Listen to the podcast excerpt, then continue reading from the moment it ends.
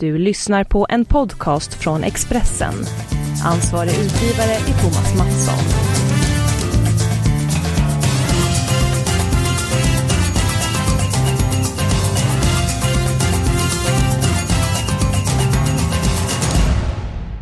Tjena varmt! Eh, välkommen till Avspark, Expressens podd. Här pratar vi fotboll, här pratar vi stryktips och eh, de senaste dagarna har varit intensiva. Stor dramatik i Allsvenskan. Champions League är äntligen igång. Magnus, eh, jag vet att du har sett flera matcher och de inledande matcherna i Champions League. Eh, Vad har du för förväntningar på den här stora turneringen? Det har man alltid de, de allra högsta förväntningarna. Eh, inte minst efter den, eh, den våren vi hade med ett, med ett slutspel i Champions League där vi hade den eh, absolut bästa anfallsfotbollen som vi har sett någon gång tidigare. Skulle jag vilja säga. Ja, det var ju målfest på målfest. Kommer det bli lika målrika matcher den här säsongen i Champions League? Eller blir lagen lite gärna mer försiktig med tanke på den målexplosion som var i våras? Ja det är mycket intressant. Det märktes ju i våras att anfallsspelet hade kommit väldigt, väldigt långt eh, och utvecklats under flera år. Där försvarsspelet, det, det samlade försvarsspelet inte riktigt hade hängt med. Med många mål som följd. Många lag kunde vända matcher genom att göra flera mål i samma halvlek. Eh, går vi sen till VM. Eh, då var det däremot tvärtom. Där blev det så att lagen som backade hem, eh, jobbade med ett lågt försvarsspel, kontrade, satsade på fasta situationer, fick stora framgångar. Och nu är vi då framme vid en ny Champions League-säsong. Mycket intressant om försvarsspelet har kommit eh, i kapp eller anfallsspelet fortfarande blir, blir det dominerande. Det är svårt att dra en slutsats efter endast en omgång av Champions League. Men av de matcherna som du såg, eh, vad gillar du allra mest? Ja, Jag gillar det allra mest eh, energin och kvaliteten som eh, vi kunde se i matchen Liverpool-PSG. Eh, och eh, ja, Liverpool eh, ser ju otroligt bra ut. Har gjort det i Premier League och startade ju Champions League på bästa sätt också. Ja, fem raka triumfer i Premier League. Eh, vann efter sent avgörande mot eh, Paris. Inför säsongen så pratade du mycket om Liverpool och de kunde utmana Manchester City. Nu har du sett laget flera gånger. Vad är det som skiljer Liverpool nu jämfört med eh, det man presterade i våras och förra hösten? Ja men stabiliteten. Eh, vi satt ju förra hösten och pratade om deras eh, fantastiska offensiv men att eh, det alltid eh, skedde ett eller annat misstag i eget straffområde som, som ledde till att man, att man inte vann så många matcher som man kunde vinna. Så att stabiliteten i laget i defensiven. Van Dijk som man värvade från Southampton i januari, han är med från början nu. Och inte minst om man fått in kanske världens bästa målvakt i Allison. Alisson Becker som ju ser eh, också väldigt stabil och bra ut. Plus att man också värvat eh, Keita. Eh, som kommer in och gör, gör det här mittfältet ännu aggressivare, ännu defensivt starkare. Så att samtidigt som man har kvar alla offensiva eh, kort att spela ut. Så att det ser mycket intressant ut för Liverpool. Mm. Är det så att Liverpool är en vinnare av Premier League nu? Ja, Premier League eh, tippade jag från början att de skulle, att de skulle eh, vinna. Eh, vad det gäller Champions League så tror jag att det står i utgångspunkt mellan Liverpool och Barcelona som det känns eh, till dags dato. Mm, Barcelona har inte pratat om den här podden på väldigt länge. Vad är det som talar för att de tar hem eh, Champions League? Man har ju också ett fantastiskt lag och eh, sen är det ju så att man ser ju inte på något sätt att Messi Eh, att hans kvaliteter eh, och kapacitet viker utan han är ju, är ju född 87, 31 år men han är ju lika bra som någonsin tycker jag och det är ju nyckeln att ha de här spelarna som verkligen avgör matcher åt laget. Eh, och eh, ja, sen har man ju ett fantastiskt lag eh, runt omkring eh, Messi också så att såg ju, ja det såg ju väldigt övertygande ut också i, eh, i premiären mot PSV jag tycker. Ja, jag har fått en fråga, eller vi har fått en fråga från Hassan. Vad är det som skiljer Messi när han spelar Barcelona och i landslaget? Ja, I, i, eh, I landslaget känns det som att man har väldigt många eh, stjärnor från olika håll. Man har haft väldigt svårt att hitta den här offensiva samhandlingen. Som ju krävs för att de här offensiva spelarna ska komma till sin rätt riktigt. Där är det ju lättare att organisera ett kollektivt försvarsspel som många länder då hade framgång med i VM. Men eh, i Barcelona så tränar man varje dag. Eh, alla vet var någonstans eh, Messi vill ha bollen. Och hur man ska sätta honom i spel på bästa sätt för att plocka fram alla hans fantastiska egenskaper. Men är det bara det det beror på? För jag tycker att han eh, har ett helt annat kroppsspråk när han är med i landslaget. Att han hänger lite grann med huvudet eh, och så vidare. Jag tycker inte det är samma spelglädje i honom när han är i Argentinas landslag jämfört med när han är i Barcelona. Eller är jag för hård mot honom? Nej, jag, jag, håller, jag, jag håller med dig. Jag tycker att han, eh, han ser mer stressad och eh, frustrerad ut i landslaget. Han blir det väldigt fort och det är väl för att han egentligen aldrig har eh, levt upp till förväntningarna i landslaget på det sätt som som blir när man är så bra i ett av världens bästa klubblag i, i 10-12 år i sträck. Så att jag tror att det, det, blir någon form av nästan en mental eh, mental spärr för honom i, i landslaget. Mm. Som vi gick igång när vi började prata om Champions League. Eh, det kanske lite, lite spretigt här. Blanda och er lite grann. Eh, är det någon annan match du vill prata om eh, innan vi går på de säkra vinnarna på Stryktipset eh, från Champions League? Det är klart att det såg ju lovande ut för Tottenham även om Tottenham är, är en svacka tycker jag. Jag tycker att man var rätt energilösa mot Liverpool i gångna helgen och Tycka att man hade inte den kraften och energin i trots att man hade bytt några spelare eh, mot Inter i, i Milano. Eh, men hade ändå 0-1, eh, eller så ledde matchen länge och släppte in två mål.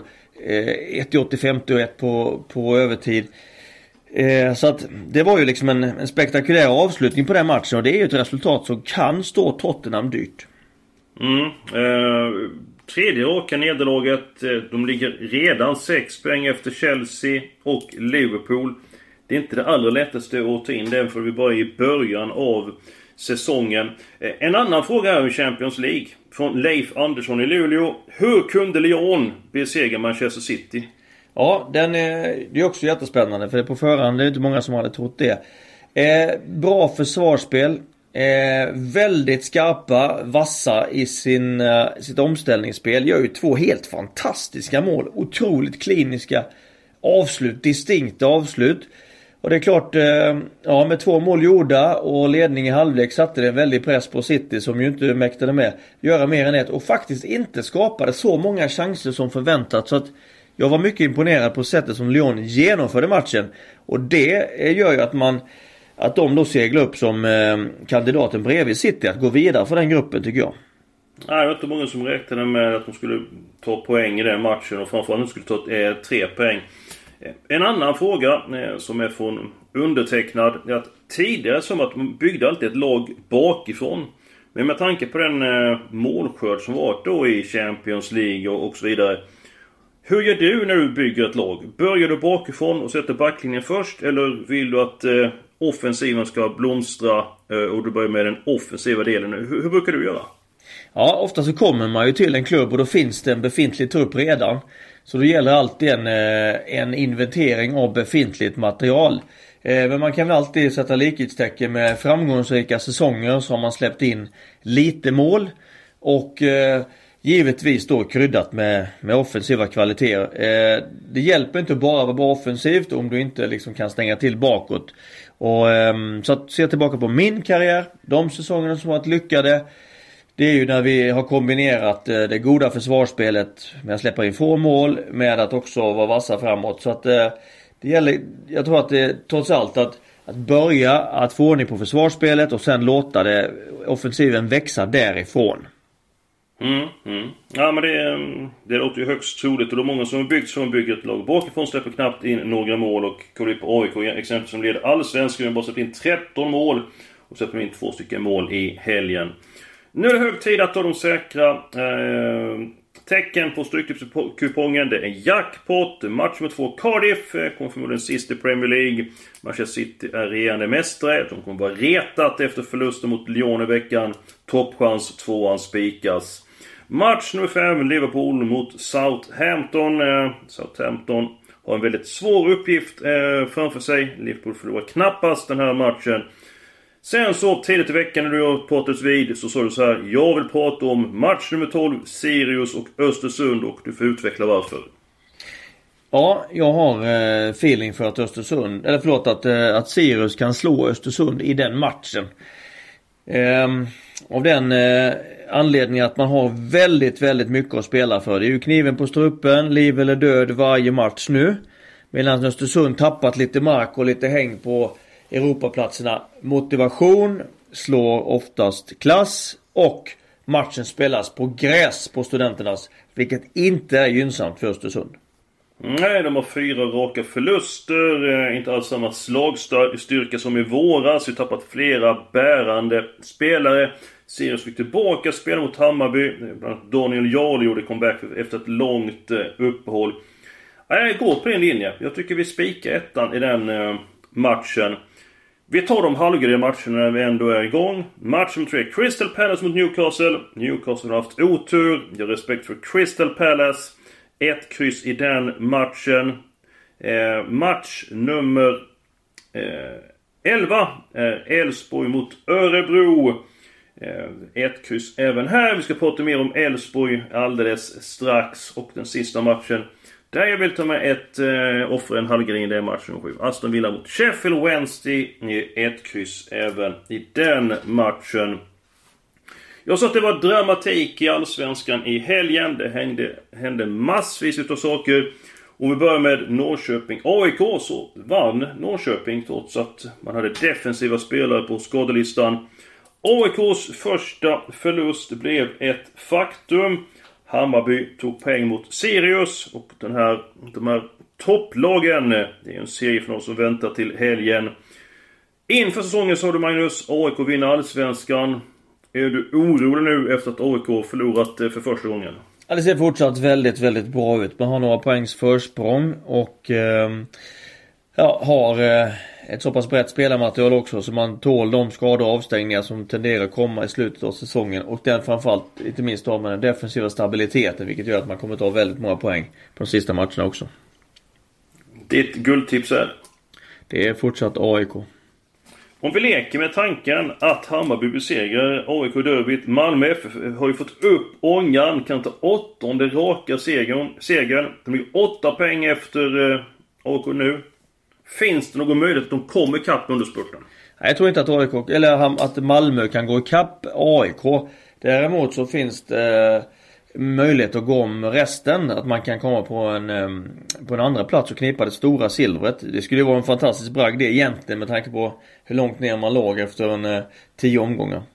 Mm, ja absolut, absolut. De har verkligen fått upp ångan. Sen kommer det säkert kosta en del kraft och energi när man spelar i Europa League. Jens Eriksson i Östermalm, han undrar varför går det så dåligt för Djurgården? Ja, det är det är en intressant eh, eh, fråga såklart. Eh, har förlorat spelare efterhand, gjort eh, försäljningar, plockat in, eh, tjänat mycket pengar.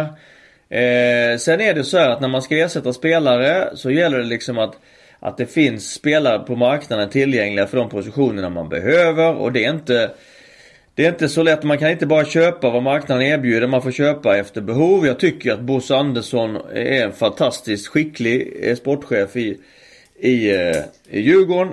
Och eh, eh, tycker att han verkligen har satt Djurgården i en god position för framtiden. Däremot så, så kanske inte de spelare som man behövde i somras fanns, fanns tillgängliga. Det kanske också har påverkat. Mm. Det jag gillar bäst för Bosse Andersson det är att han står upp för sitt lag när det går bra, när det går dåligt. Eh, han går ut och berättar och det, det gillar jag. Eh, han smiter inte undan. Djurgården är med mot Trelleborg, match nummer 13. Eh, jag tycker att Djurgården ska garderas. Utgångstvå där, men den matchen ska garderas. Sen var det även dramatik i Göteborg. Elfsborg jagade första segern på nio matcher. Ledde med 2-0. Det blev 2-2. Den stora snackisen efteråt, det var ju att IFK Göteborg fick en felaktig straff. Fällingen fällningen var utanför straffområdet. Det blev liv efteråt. Eh, din syn på den händelsen, Magnus? Mm. Eh, jag känner att eh, givetvis att det, det, var brutalt för Elfsborg att, eh, att man leder med 2-1. Det är väldigt lite kvar av matchen eh, får en helt felaktig straff givetvis. Den är ju, sker ju, förseelsen är ju en halv meter utanför straffområdet. Så att det är ju en, det är en solklar felbedömning av Mohamed Al-Hakim. Och tyvärr så fick han ju inte hjälp av sin och sin assisterande domare heller som hade fullt upp och titta på offside-linjen och heller inte hade någon uppfattning om linjen. Normalt sett kan man ju hjälpas åt och så är det ju lättare att fatta rätt. Att eh, totalt sett bli rätt beslut. Men eh, det, var, det var brutalt för Elfsborg, det domslutet. Ja, jag förstår ilskan i Elfsborg. Jag för, eh, försvarar inte domslut. Men det Al-Hakim gjorde efteråt, han tog på sig hela jag gjorde fel. Det tycker jag är stort. Det tycker det är bra. Eh, även domare är ju människor givetvis och kan ju göra fel. Eh, VAR var ju med i eh, eh VM. Skulle du vilja se det i Allsvenskan Magnus? Ja det skulle jag absolut vilja göra. Jag tycker att vi vi hade ju ehm, En sån här situation hade ju liksom eh, Det hade blivit, eh, blivit frispark istället. I så fall om det skulle vara någonting överhuvudtaget så hade det blivit en frispark. Och ehm, så att jag, jag, tycker att det är dags nu. Mm. Eh, jag håller med dig. Jag tycker det är hög tid. Man ska inte kolla på varenda situation ute på plan. Men de här situationerna eh, mål eller inte, var det straff eller inte, var det rött kort eller inte. Då är det solklart man ska ta hjälp av VAR. Det är så svårt i dagens eh, fotboll, det går så snabbt. Det är så många beslut som ska fattas på väldigt kort tid och till skillnad från domarna så är vi i repris hemma när vi sitter och kollar på det, men det har ju inte eh, domarna. En eh, fråga här till Magnus. Eh, vilket intryck har du fått av Liverpool? Egentligen har vi svarat på den frågan, men finns det någonting vi kan säga om Liverpool som inte är sagt i dagens podd? Ser väldigt bra ut. Komplett. Komplett lag eh, som gör att de kan eh, de eh, slåss om segern i Premier League och i Champions League så att eh, de står på de, de står på eh, sin topp nu om man jämför med många, många säsonger tillbaka. Så att det ser ju väldigt spännande ut. Om jag vänder på frågan, har de någon svaghet? Nej, som det ser ut nu när man har fått in de här defensiva krafterna och fortfarande offensiven eh, som är så vass och utvecklas också så, så, eh, så ser jag inte det idag. Nej, Nej jag håller med dig. Jag är väldigt imponerad av Jürgen Klopps gäng. Dags för de heliga matcherna. Match 1 Burnley, Bournemouth. Eh, Burnley har kniven mot strupen och spelat väldigt dåligt. Bara tagit en poäng hittills. Ska man klara kontraktet så måste de börja vinna på hemmaplan. Bournemouth har en fantastisk förmåga att leverera. De är bra på att vända underläget till eh, segrar. Det blir alla tecken i den matchen. Match nummer 6. Wolverhampton spelar borta mot Manchester United på Old Trafford. Nu saknar ju United spelare på grund av skador, på grund av avstängningar. Självförtroendet är på topp i Wolverhampton. Jag tror mycket väl man kan få med sig poäng från den matchen. Och! Jag tror inte du kommer hålla med mig Magnus, men match nummer 9. Leeds mot Birmingham. Birmingham är segerlöst. Men man har faktiskt spelat väldigt bra. Min känsla att Leeds eh, snart kommer gå på en mina. Jag är imponerad av laget. Men man har många spelare på skadelistan. Och jag behöver en smällkaramell i jackpot-omgången. Så får bli alla tecken i den matchen. Vad har du för eh, tro på Leeds mot Birmingham? Jag tror att Leeds vinner den matchen. Eh, Leeds har en eh, manager i eh, Marcelo Bielsa som kommer att eh, se till att man inte går ner sig, att man inte tror att man är bättre än vad man är. Att ödmjukheten behålls i laget, det enorm, det enorma löpandet och hårda arbetet. Det gör att man hanterar Birmingham på hemmaplan. Tror jag vi får se på lördag kväll vem som fick rätt. Mm, det blir intressant den uh, matchen. Uh, fyller i att Leeds saknar, Saknas eh, saknar Bamford. Det spelar inte på flera månader. Pablo Hernandez är tveksam. Jimmy Shackleton är borta. Så att nej. Jag har känslan för att Birmingham kan överraska där.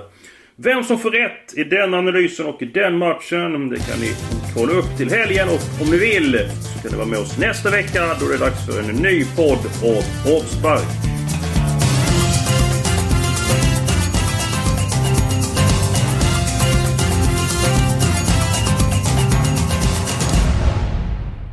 Du har lyssnat på en podcast från Expressen. Ansvarig utgivare är Thomas Mattsson. Ett poddtips från Podplay. I podden Något Kaiko garanterar östgötarna Brutti och jag, Davva, dig en stor dos skratt. Där följer jag pladask för köttätandet igen. Man är lite som en jävla vampyr. Man har fått lite blodsmak och då måste man ha mer. Udda spaningar, fängslande anekdoter och en och annan arg rant. Jag måste ha mitt kaffe på morgonen för annars är jag ingen trevlig människa. Då är du ingen trevlig människa, punkt. Något Kaiko, hör du på Podplay. Därför är gardinerna.